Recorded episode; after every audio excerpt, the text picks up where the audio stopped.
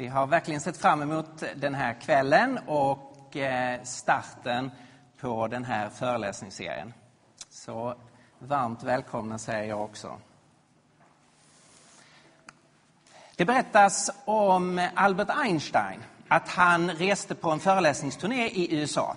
Han reste från universitet till universitet och han hade samma chaufför under hela resan. Och Einstein höll samma föreläsning kväll efter kväll på nya universitet. Och till slut så sa chauffören en kväll, jag tror faktiskt jag kan hela din föreläsning, jag skulle kunna hålla den ikväll. Okej, okay, sa Einstein, varsågod. Och Einstein tog eh, förarkepsen och satte sig längst bak i lokalen. Och chauffören ställde sig upp och höll en briljant föreläsning. Ordagrant det som Einstein brukade säga. Han fick rungande applåder efteråt. Och vid frågestunden så reser sig en professor vid universitetet upp och ställer en mycket avancerad fråga om relativitetsteorin. Men chauffören fann sig blixtsnabbt och sa Det där är en sån enkel fråga så jag tror till och med min chaufför kan svara på den.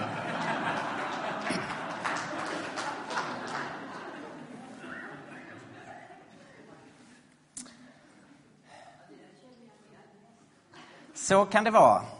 Så kan det vara med den kristna tron, att man som chauffören har lärt sig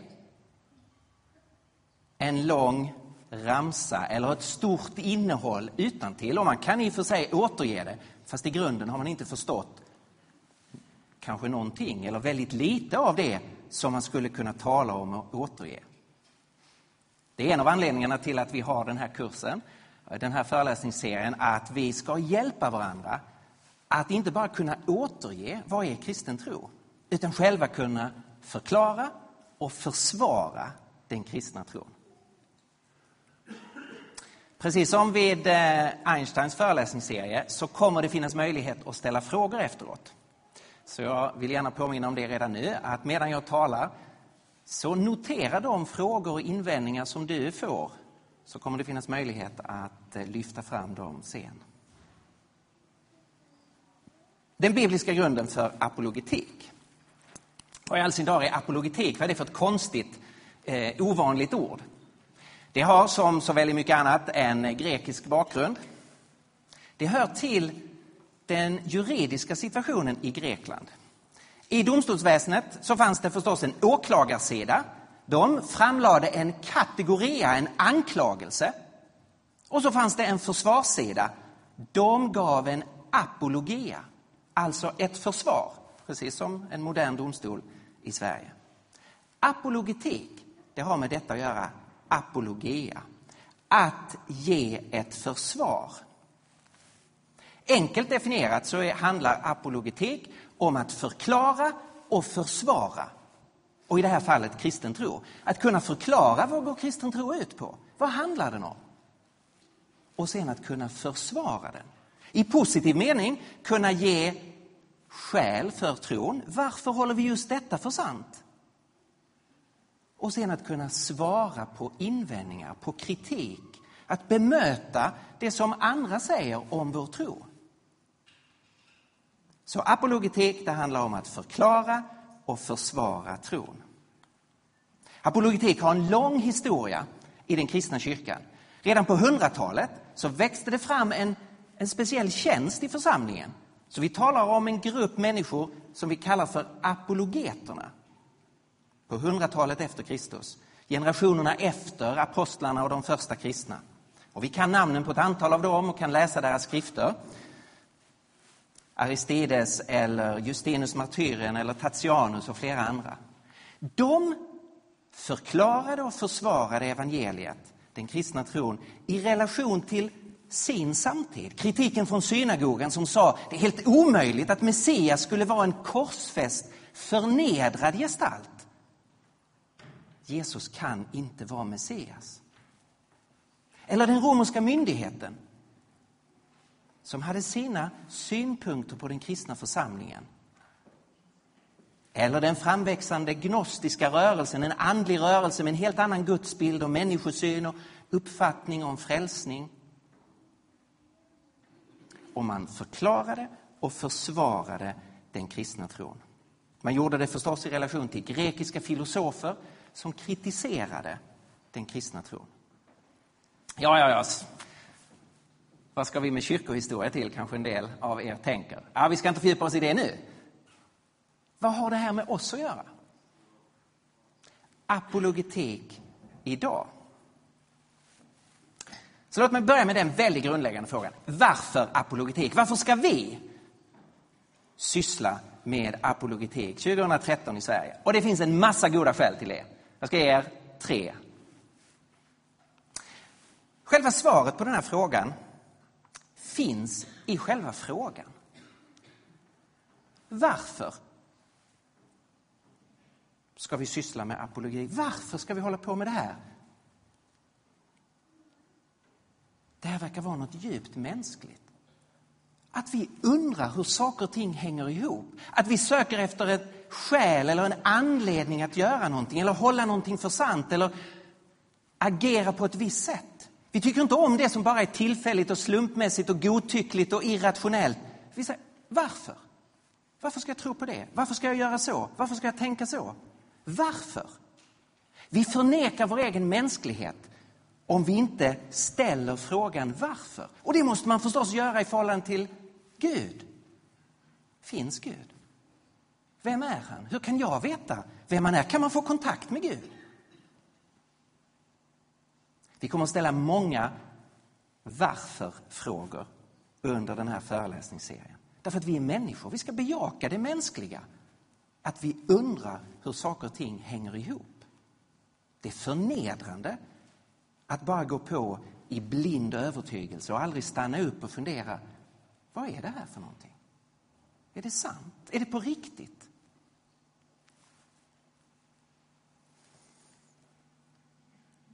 Sen har vi konkreta skäl i vår tid. Vi har specifika behov i vår tid. Den kristna församlingen står inför väldigt speciella utmaningar i västerlandet. Och den kristna tron själv motiverar oss att syssla med apologetik. Låt mig säga någonting mer om de här två andra skälen till apologetik. Behoven i vår tid. Den här gamla farbrorn, kanske några av er känner igen, det är Bertrand Russell. 1900-talets kanske främsta kristendomskritiker. Professor i filosofi, lysande kommunikatör och en konsekvent kritiker av kristen tro. Han har bland annat skrivit en bok som heter Varför jag inte är kristen. 1930 så skriver han så här. Det är möjligt att mänskligheten står på tröskeln till en gyllene tidsålder. Men i så fall kommer det att bli nödvändigt att först dräpa draken som vaktar dörren. Och denna drake är religion. Ja, det stod verkligen några drakar för dörren 1930. Men enligt Russell så är den farligaste draken religionen. Och ska vi ha en, gå en guldålder till mötes så behöver vi döda den draken. För så länge den draken finns så kommer kulturen och det mänskliga livet inte att blomstra, enligt Bertrand Russell. Och han ägnade stor del av sitt liv försöka döda den här draken.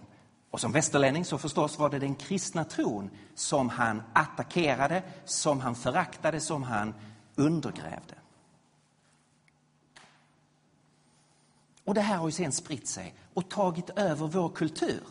Det finns idag på alla möjliga nivåer. Det här är ett citat från Dr. House, för er som följer populära tv-serier.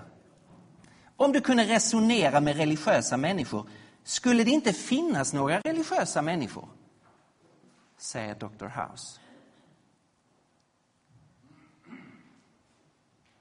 Alltså, religion och kristen tro står i vägen för vår kultur.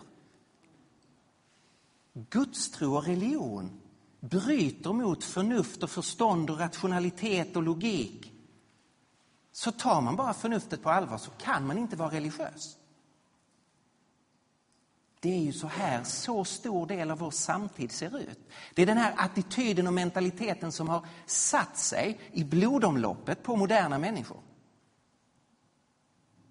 Och det är klart att det är en anledning för oss att ge en respons, eller hur? Vi kan ju se att detta sammanfaller med en enorm utbildningsexplosion i vår kultur. Jag roade mig med att titta på lite olika siffror här kring utbildning. 1938 tog mindre än 4 procent av svenskarna studenten. 1947 tog mindre än 5 procent studenten. Nu börjar 99 procent på gymnasiet. Och 75 procent tar studenten.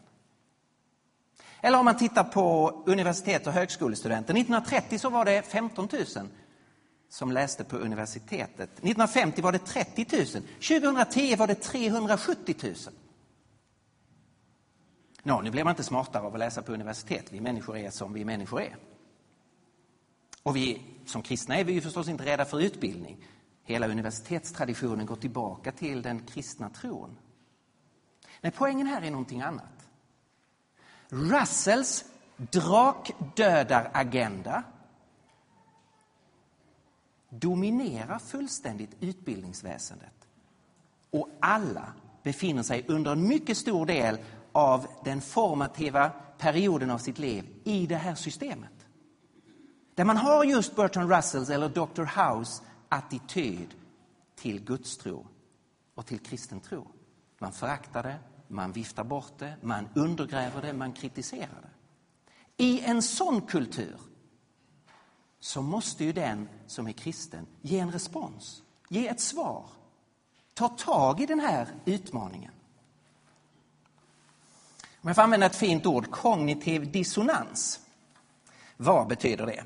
Och det är någonting som psykologer använder för att förklara den situation när vi som människor håller två motstridiga idéer samtidigt. Så vi har två idéer, men de strider mot varandra i vårt sinne. Och då har vi, enligt teorin om kognitiv dissonans, då blir det jobbigt för oss. Och då söker vi efter ett sätt att komma undan dissonansen. Det är lite grann, för att ta den lite enklare, det är som om du står med en fot i en båt och en annan fot i den andra båten. Och gradvis så glider båtarna isär. Och ju mer de glider isär, ju mer smärtsamt blir det.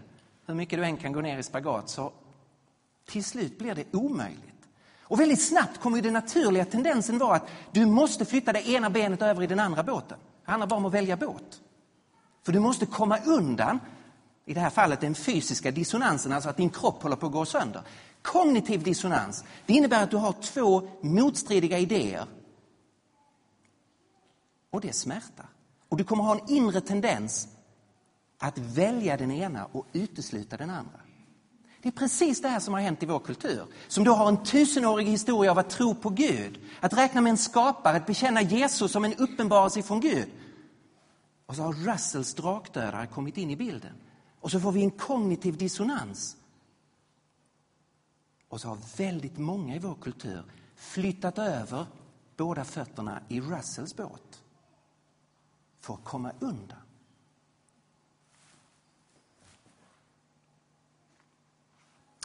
Alltså så här, kan man leva med två motstridiga självklarheter. Jag tänker så här, och jag har pratat med massor med människor uppvuxna i kristna sammanhang. Att allt för ofta upplever man det som att när man kliver in i en kyrka, som vi har gjort nu, så kliver man in i en värld alldeles full av en massa självklarheter. Gud finns, han hör bön. Bibeln är på riktigt och är viktig. Här ber vi till Gud, här prisar vi hans namn. Och sen stiger man ur kyrkan och så plötsligt är det en annan värld med helt andra självklarheter. Nej, det finns ingen Gud. Universum är det enda som finns. Vi är överlämnade åt oss själva. Var och en bestämmer själv. Och så blir det två helt separata världar som inte, man inte får ihop. Och så blir det kognitiv dissonans. Och alldeles för många har sagt, nej men då är det självklarheten utanför kyrkan som jag väljer. Det är här vi har ett så stort behov av en apologetisk renässans. Alltså att vi som kristna måste hitta tillbaka till en mentalitet och en attityd av att förklara och försvara den kristna tron. Och det jag ska göra nu, resten av den här kvällen, det är att jag ska presentera en apologetisk treenighet. Tre personer som vi ska lära av. Och den första, det är Petrus. I första Petrusbrevet kapitel 3, vers 15 och 16 så säger Petrus så här. Petrus, alltså ledaren för den, den första kristna församlingen, han skriver ett brev och han säger Men Herren, det är Kristus, ska ni hålla helig i era hjärtan. Var alltid beredda att svara var och en som kräver besked om ert hopp. Men gör det ödmjukt och respektfullt i medvetande om er goda sak så att det som talar illa om ert fromma liv i Kristus får skämmas för sitt förtal. Här brukar man kalla för apologetikens lilla bibel. Ni vet, vi brukar tala om Johannes 3 och 16 som en suverän sammanfattning av det kristna budskapet. Så älskade Gud hela världen att han gav den sin enda son för att var och en som tror på honom inte ska förgås utan ha evigt liv. Liksom hela det bibliska budskapet kondenserat ner i en vers. Det här är på något sätt apologetikens lilla bibel. Notera först hur Petrus, han är inte ensidigt inriktad på tanke och förstånd. Han talar om vårt hjärta. Han talar om vårt liv. Men så talar han också om att ge svar. Det som berör vårt förnuft. Så vi ska förstås inte spela ut de här sakerna, hjärtat och livet och tanken, det hör samman. Titta på hans, den centrala meningen här. Var alltid beredda att svara, på grekiska står det apologia. Var alltid beredda att svara var och en som kräver besked om det hopp som ni har. På grekiska står det logos. Att, som kräver besked. De som vill veta hur hänger det här ihop. Vad är sanningen i det här? Vad är logiken i det ni tror?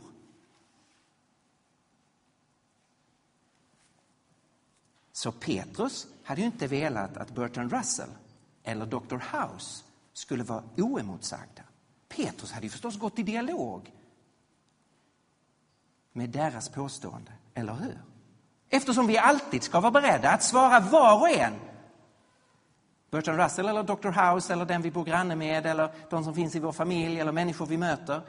Svara var och en som undrar hur kan du tro på Gud? Hur kan du ta det här med evangelierna på allvar? Människor har rätt att förvänta sig att vi kan säga någonting om det. Det var Petrus. Låt mig gå tillbaka till Bertrand Russell. Han säger så här på ett annat ställe. Så vitt jag minns finns det inte ett enda ord i evangelierna som berömmer intelligens. Och i det avseendet följer präster evangeliets auktoritet närmre än i en del andra avseenden. Detta, detta måste betraktas som ett allvarligt fel i den etik som lärs ut. Så Bertrand Russell säger i evangelierna finns det ingen respekt för intelligens. Och tyvärr menar då Russell att det där är en punkt som där kyrkan har valt att vara väldigt trogen mot Jesus. Ja, vad ska man säga om detta? Märker ni att han gör en liten reservation? Så vitt jag minns. Låt oss friska upp den gamla professorns minne. Låt oss göra, och nu kommer nästa person, ett studium av Jesus, huvudpersonen i evangelierna. Säger han någon gång något positivt om intelligens? Det första jag gjorde var att jag gjorde en sökning. Vi har ju så bra nu med dataprogram där man så enkelt kan söka igenom hela Bibeln eller söka igenom de fyra evangelierna. Om man söker på ordet frågade så dyker det upp 145 gånger. Om man söker på ordet svarade så dyker det upp 275 gånger.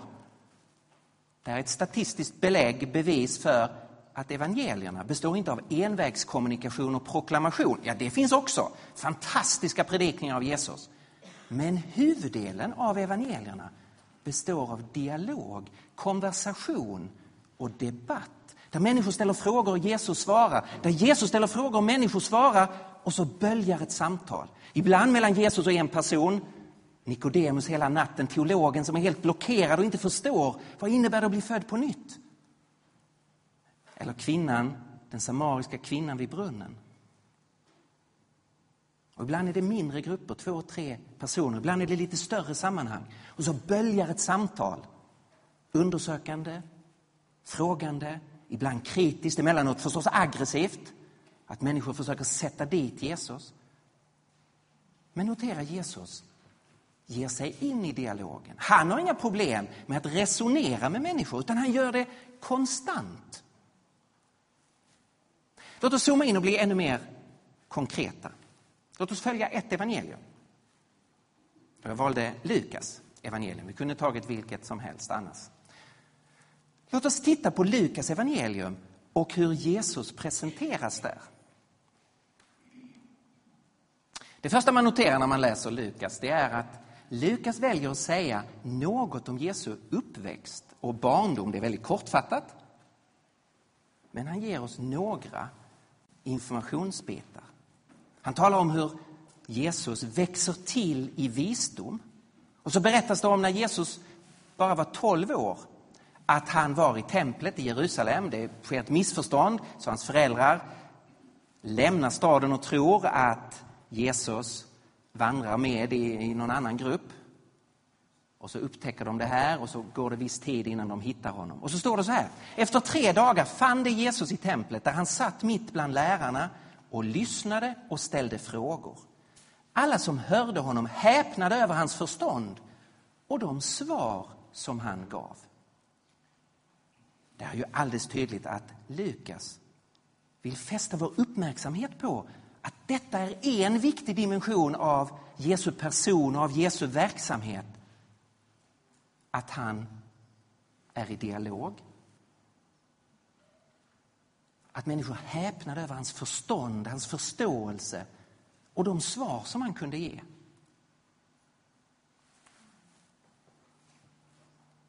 Längre fram i Lukasevangeliet kapitel 10, vers 27 så är det en diskussion och en person citerar det största budet i lagen. Du ska älska Herren din Gud av hela ditt hjärta och med hela din själ och med hela din kraft och med hela ditt förstånd och din nästa som dig själv. Och Jesus bejakar detta. Vi finns här för att älska Gud och för att älska varandra. Och vi ska älska Gud med hela vår varelse. Med vårt hjärta, vår själ, vår kraft och vårt förstånd.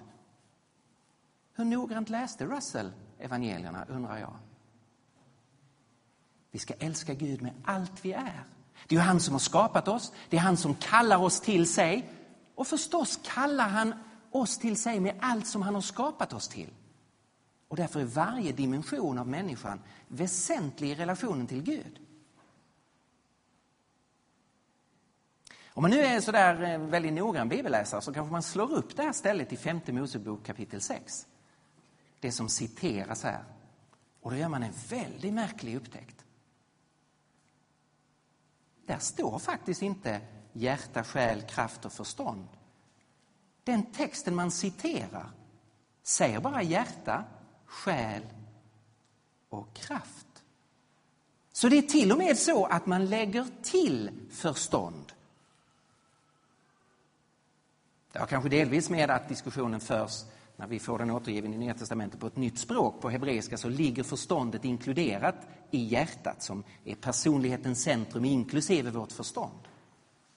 Men det är viktigt att se att i diskussionerna i evangelierna så markerar man att också förståndet ska vara involverat i relationen till Gud. Så här säger en NT-forskare som heter eh, R.T. France.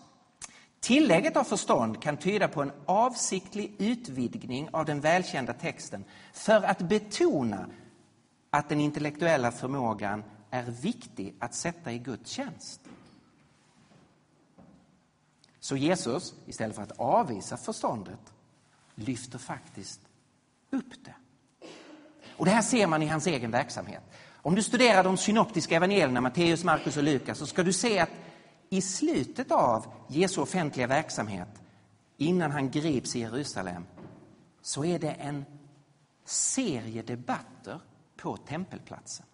Våg efter våg av kritiska frågor, för man vill sätta dit Jesus. Det är faktiskt fyra debatter som kommer efter varandra. Om tron på uppståndelsen, om förhållandet till kejsaren och politiken, om vad som är det största budet, hur man ska förhålla sig till lagen. Och frågan om Messias, vad är hans identitet? Och de här debatterna, hur sammanfattas de av Lukas? Jesus genomskådade deras list, så han ser igenom både deras attityd och deras argument. Det står att de lyckades inte få fast honom för något som han sa när folket hörde på. Och de häpnade över hans svar och de teg. Och till och med hans motståndare ger honom rätt. Mästare, det var bra svarat. För de vågade inte ställa fler frågor till honom. Inte för att Jesus var en obehaglig person som fick människor att känna sig obekväma, utan därför att de inte förmår sätta dit honom, teologiskt eller etiskt eller intellektuellt. Och de ger upp därför att han svarar så väl. Och så återstår bara den råa makten, våldet. De griper honom om natten med soldater, för det är det enda sättet att sätta dit honom. Så hur kan man säga att evangelierna inte skulle säga något positivt om intellektet? Lukas har med det i hela sin beskrivning av Jesus. Det finns förstås många andra sidor som vi kunde lyft fram av Jesu omsorg, av hur helande och det övernaturliga ständigt var närvarande i hans tjänst. Men jag har valt att fokusera på denna därför att den så ofta är antingen negligerad eller förnekad. Att man, inte, att man påstår att den inte finns där. Så det var Petrus, att alltid vara beredd att svara. Det var Jesus, som kontinuerligt är i dialog och debatt. Och så den tredje personen, Paulus. Kristendomens fiende, alldeles i början, som genomgår en dramatisk omvändelse, som möter Jesus på vägen till Damaskus, möter den uppståndne som slår honom till marken, utmanar honom. Saul, Saul, varför förföljer du mig? Som får ett dramatiskt möte med den uppståndne och som sen blir kristendomens främste förespråkare. Vad säger Paulus? Jag brukar för mina studenter göra en resa genom apostlärningarna där vi besöker varje stad som Paulus besökte. Hade vi haft mer tid kunde vi gjort det idag också. Och vi skulle se ett helt konsekvent mönster. Paulus agerade på ett visst sätt i varje stad han besökte. Men jag ska ge er några exempel, det blir några highlights från apostlärningarna. Vi ska studera vad var Paulus attityd till det budskap han förkunnade. När Paulus har blivit en kristen så börjar han omedelbart kommunicera den kristna tron. Och det står så här i Apostlagärningarna 9. Men Saul uppträdde med allt större kraft och gjorde judarna i Damaskus svarslösa när han bevisade att Jesus är Messias. Väldigt kraftiga ord. Det är klart att det inte är en form av slutgiltiga matematiska bevis. Det finns ju inte i sådana här frågor. Men det är fortfarande ett starkt ord. Att han verkligen visade att Jesus är den utlovade Messias. Och människor blev svarslösa. För Paulus hade på fötterna. Han kunde visa att detta stämmer med profetierna i Gamla testamentet. Han kunde visa att så många i den judiska samtiden hade lagt en linje bland profetierna i skugga så man inte såg den. Man hade sitt fokus på de profetier som talade om Messias som den segerrike kungen. Men så såg man inte profetierna om den märklige tjänaren som skulle komma. Han som skulle bli ödelagd, krossad för folkets skull. Han som skulle ge sitt liv. Det som vi har tydligast i Jesaja 53.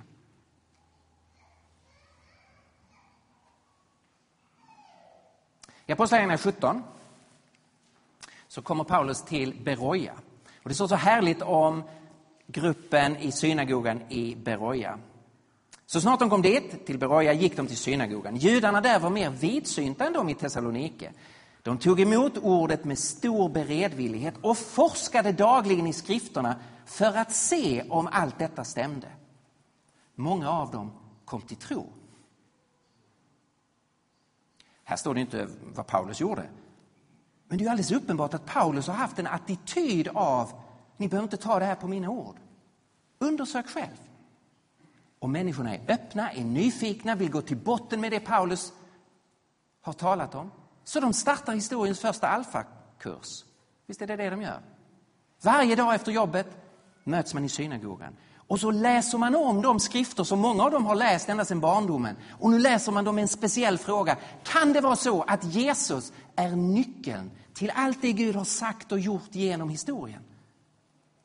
Och när de börjar forska i det så ser de att allt detta stämmer. Och många kommer till tro. Paulus har alltså alldeles uppenbart lämnat människor frihet att tänka, reflektera, undersöka, forska och ta ställning. Han har inte varit rädd för att inbjuda människor att undersöka faktaunderlaget till evangeliet.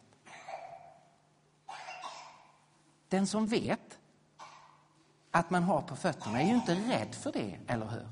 Behöver inte försöka hindra människor att undersöka. Behöver inte pressa på och manipulera folk. När sanningen har en egen överbevisande kraft. Han reser vidare till Aten. Och där står det så här, en del filosofer, både epikureer och stoiker, inlät sig då i diskussion med honom. Och det är alldeles uppenbart att Paulus känner till Epikuros och hans filosofi och kan föra en dialog med de här filosofistudenterna. Han känner till stoikerna och deras förgrundsgestalt som heter Zenon och hans mer panteistiska filosofi. Och han kan föra ett samtal och ha en dialog med dem och det här skapar nyfikenhet. De tar med honom till Areopagen som var en form av myndighet som kunde godkänna nya rörelser och nya religioner. Att de fick lov att etablera sig i Aten, att man fick lov att bygga tempel och resa altare och så. Och Paulus får en chans att hålla ett tal. Han håller ett fantastiskt tal i Apostlagärningarna 17. Där han visar hur han har kontakt med samtiden. Han känner till staden Aten, han kan referera till altare, han kan citera poeter som är inne. Han korrigerar deras missförstånd, hur de har missförstått hans budskap.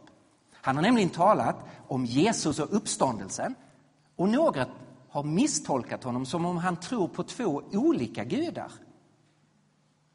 Alltså att Paulus bekände en gud som hette Jesus och en gud som hette Anastasis, uppståndelsen.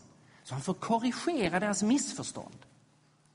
Han går i dialog med deras uppfattning av världen och Gud och utmanar dem att tänka konsekvent. Om det nu finns en Gud som har skapat hela universum, inte kan han vara beroende av att vi bär fram mat till honom i templet.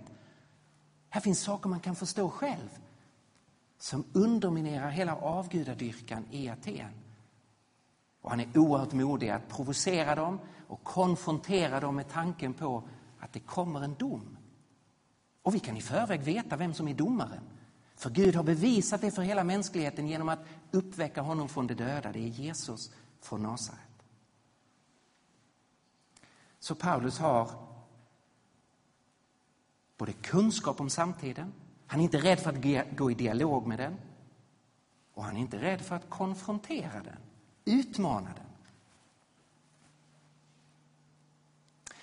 På tre, I tre städer som Paulus besöker, i Thessaloniki, Korint och Efesos, så har Lukas, som ju är den som skriver apostlagärningarna och som återger det som hände för oss, då har han valt att beskriva Paulus verksamhet genom att sätta samman två ord. Nämligen ordet dialegomai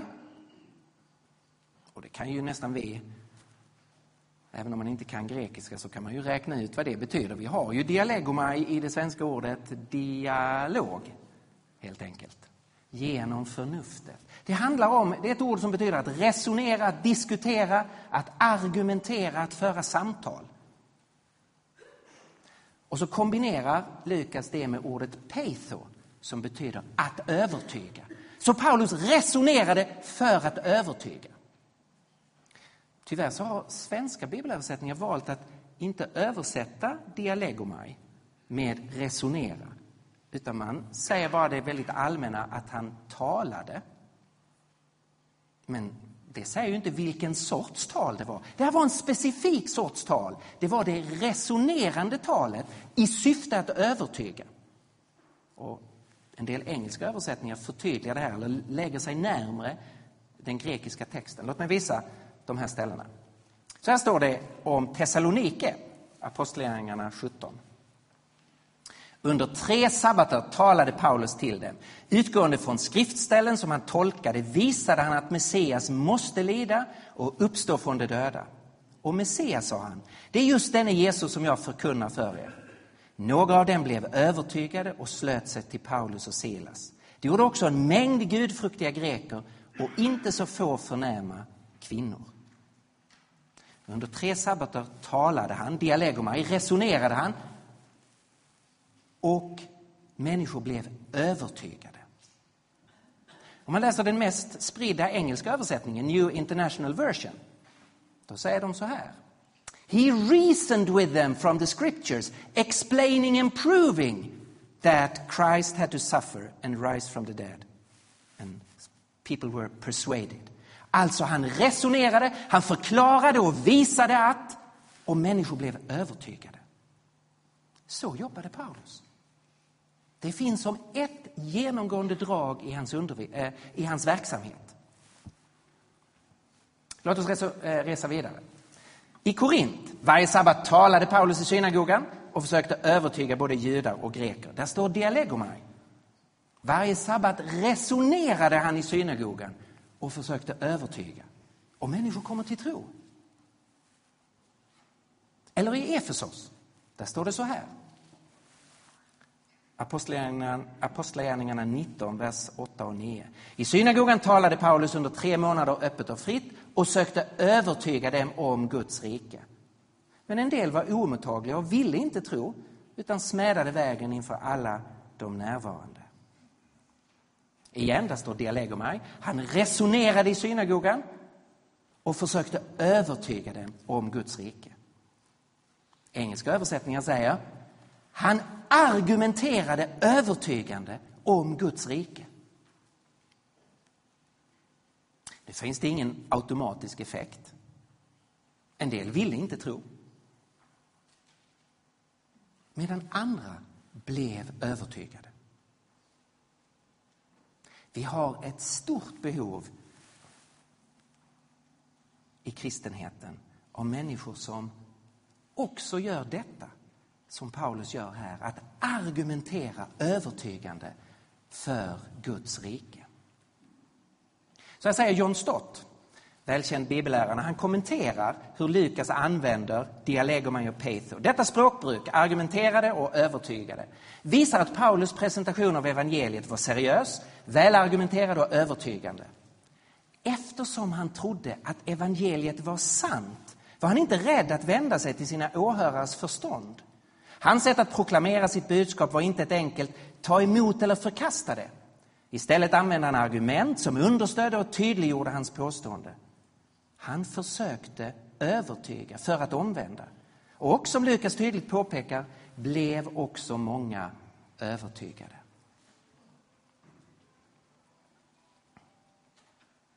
I Apostlagärningarna 26 så möter vi Paulus i Caesarea. Han har, är nu fängslad. Han har förts undan från Jerusalem där de vill döda honom. Men han sitter fängslad i Caesarea. Först under en ståthållare, en romersk ståthållare som hette Felix. Och sen ersätts han och så är det en ståthållare som heter Festus. Och han har på något sätt fått ärva den här fången Paulus. Och han inser ju att Paulus är ingen kriminell. Han sitter anklagad för några religiösa spörsmål som har med judisk tro att göra. Och han blir fascinerad av Paulus. Så uppstår den här situationen att Festus får mycket prominent besök i Caesarea. Kung Agrippa, hans syster Bernice, kommer på officiell visit. Och Festus bjuder till en stor bankett. Det står att alla de förnämsta i Caesarea var där. Och kungen Agrippa och hans syster kommer högtidsklädda, alltså har sina kungliga kläder på sig. Men vi som svenskar vi ska ju tänka det här är ungefär som Nobelmiddagen. Det är så att säga den nivån. Och ni vet hur det är på Nobelmiddagen om ni har varit inbjudna eller möjligen sett det på tv. Det är ju förstås middagsunderhållning. Och nu säger jag inte att det var underhållning här, men Festus väljer att använda den här banketten för att få kung Agrippas synpunkter på den här fången. Och så kommer en av de starkaste scenerna i Apostlagärningarna. Kan ni tänka er denna högtidsklädda församling eller samling av människor som är på bankett, alla de förnämsta i Caesarea. De har just ätit. Det har varit exklusivt, det har varit fint. Och så bjuder man in Paulus. Han säger, talar själv om de kedjor han har, så vi förstår att han är kedjad vid en romersk soldat. Enkelt klädd förstås, han har suttit fängslad nu ett tag. Så för man in honom och han får hålla ett tal. Festus säger varsågod. Berätta ditt case. Och Paulus berättar om hur han har förföljt de kristna, hur han mötte Jesus på vägen till Damaskus och nu själv har blivit en kristen. Och han berättar om Jesu död och om Jesu uppståndelse från de döda. När han kommer till punkten om Jesu uppståndelse från de döda så avbryter honom Festus, värden för hela kalaset, reser sig upp och säger Paulus, du yrar, din stora lärdom gör dig galen. Alltså, det här hänger ju inte ihop. Man kan inte tro att en död person blir levande.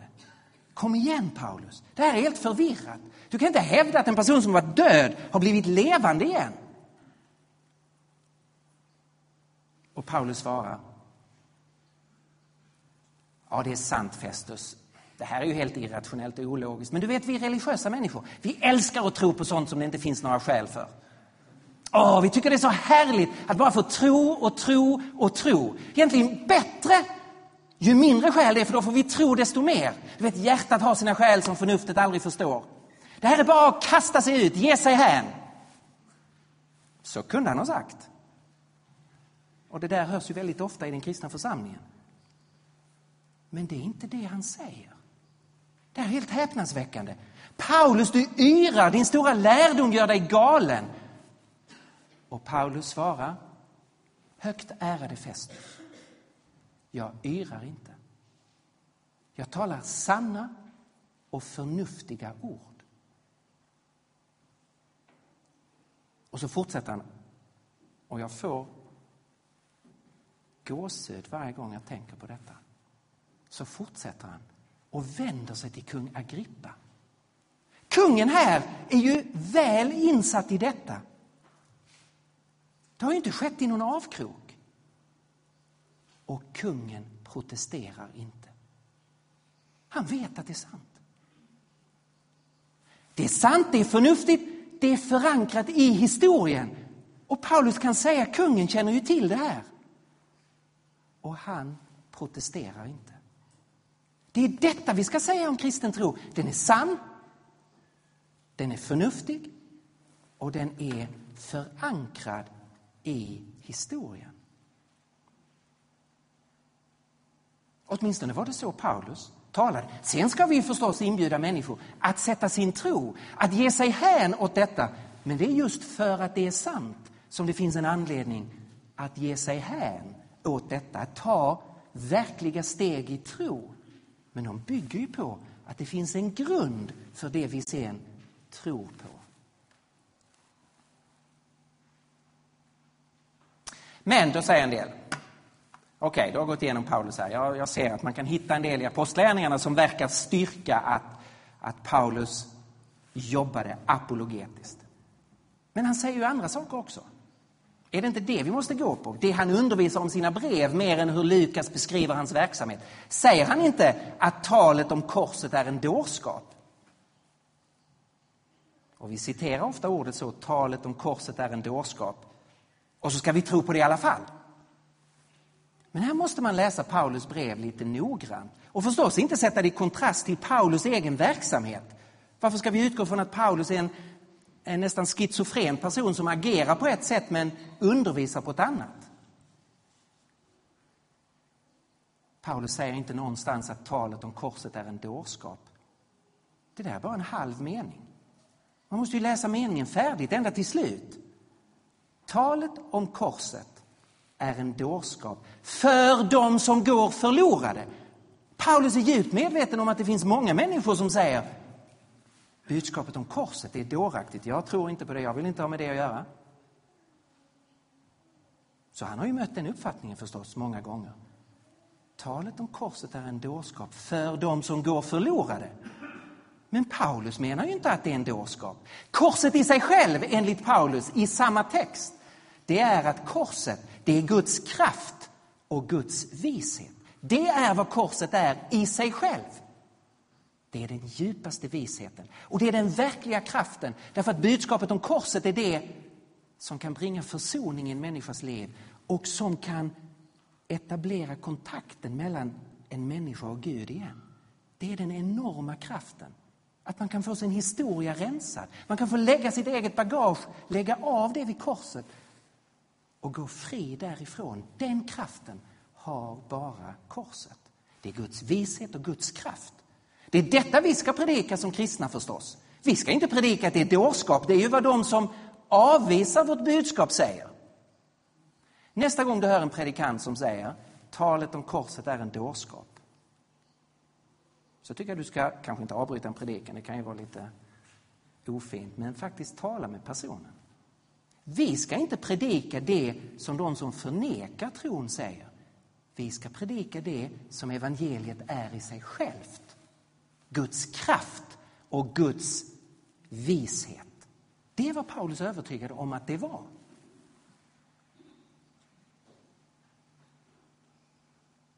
Ja, men finns det inte andra ord här i första Korintierbrevet där, där Paulus verkar liksom underminera hela, detta, hela denna tanken att vi skulle arbeta apologetiskt och ge argument? Igen så måste man läsa Paulus lite noga. Det finns ett långt avsnitt här, första Korintierbrevet kapitel 1, vers 17 till kapitel 2, vers 16. Där ordet vishet förekommer 14 gånger. Så det är alldeles uppenbart att Paulus talar om vad är visheten. 14 gånger finns detta ord. Och då kan man hitta verser som är väldigt negativa till visdom. Och så finns det en del kristna som lyfter fram dem och säger nej, vi ska inte jobba med argument. Titta här så negativ Paulus är till vishet. Men då har man inte noterat att Paulus väldigt tydligt jobbar med två sorters vishet i det här avsnittet. Där han bejakar fullt ut en sorts vishet och avvisar kategoriskt en annan sorts vishet. Och man kan se att han många gånger sätter ett ord före visheten för att indikera vad det är för sorts vishet. Så den sanna goda visheten, det är budskapet om den korsfäste Kristus, det är Guds vishet. Det är klart att Paulus bejakar den visheten. Vishet förkunnar vi, säger Paulus, så han förkunnar vishet. Vad vi förkunnar är Guds hemlighetsfulla vishet som tidigare varit fördold men nu har blivit uppenbarad. Men sen finns det en annan vishet som Paulus avvisar. En vältalares vishet, alltså att det bygger på retorik och vältalighet. Världens vishet, förkrossande vältalighet och vishet, mänsklig vishet, den säger han nej till.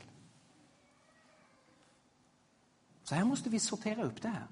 Paulus är inte emot förnuft och intelligens. Men därför finns det mycket som går under namnet av mänsklig vishet som i verkligheten är dårskap. Paulus skiljer på de två visheterna och talar om olika ursprung. En vishet som är från Gud eller en vishet som bara bygger på människan. Innehållet, en vishet som bejakar det Gud har gjort i Kristus eller en vishet som säger vi ska etablera vår kontakt med Gud själv som utgår från människan och människans prestation. Och sättet att övertyga, om det är förkrossande vältalighet eller om det är något som sker i ande och kraft. Jag läste nyligen en, en forskare som har jobbat alldeles speciellt med situationen i Korint och i den antika världen. Och han lyfte just fram detta hur Paulus markerar mot den förkrossande vältaligheten. Retoriken hade en väldigt stor plats och man beundrade de människor som kunde få med sig en publik. Som kunde fånga en publiks intresse, som retoriskt kunde få med sig känslorna hos de som lyssnade och som därmed kunde manipulera, så att säga, en folkmassa.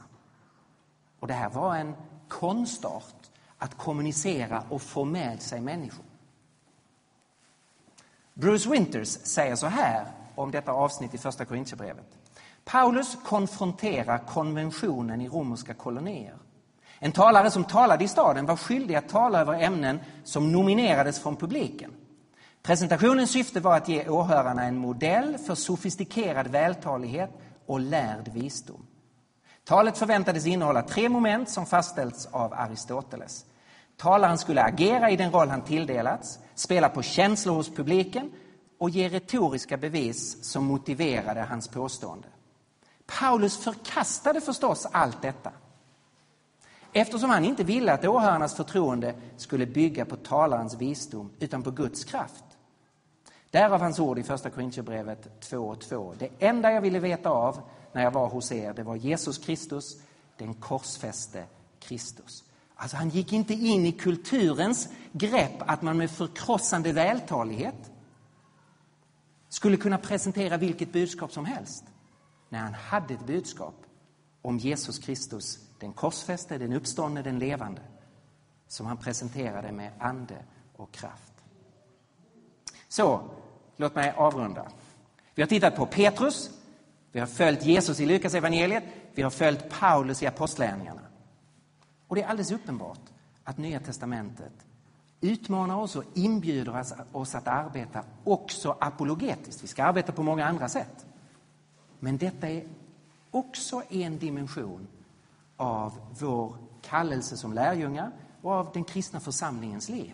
Och vi måste upphöra då med att göra den här motsatsen som vi ofta har gjort mellan ande och argument, till exempel. Den heliga ande är sanningens ande. Som använder också argument, som upplyser människans förstånd, som hjälper oss att inse. Här har vi ett, ett stort jobb framför oss. Att på ett relevant sätt kunna bemöta alla de drakdödare vi har runt omkring oss i vår kultur. För att kunna presentera evangeliet om Jesus. Och Det är det här som vi ska jobba med under de kommande elva söndagskvällarna. Då ska vi börja jobba apologetiskt. Det jag har försökt göra nu det är att lägga den bibliska grunden, visa att Bibeln, Nya Testamentet, inbjuder oss att arbeta apologetiskt. Bejaka att Gud har skapat oss med ett förstånd och att vi ska sätta också den delen av oss i tjänst för Gud. Sen ska vi då börja göra det och titta på frågor om Guds existens och det ondas problem och vetenskap och andra religioner och alla de olika utmaningar som vi har runt omkring oss. Låt mig sluta med ett citat från Winston Churchill. Han säger så här. Sanningen är obestridlig. Illvilja kan attackera den, okunskap kan förlöjliga den. Men till slut, där är den. Det som är sant är sant. Om det är så att det finns en Gud, då finns det en Gud. Och då finns han för alla människor, då finns han för alltid. Och han är den yttersta punkten som alla kommer att relatera till och konfronteras med. Och om Gud inte finns, så hjälper det inte att tro på honom. Eller hur? För då finns han inte och har aldrig funnits. Det här är en fråga om sanning. Sanningen är obestridlig. Illvilja kan attackera den, okunskap kan förlöjliga den, men till slut, där är den. Och då ska vi fortsätta de här kvällarna och titta på, kan vi då veta vad som är sant? Vad är sanningen om det livet som vi lever här?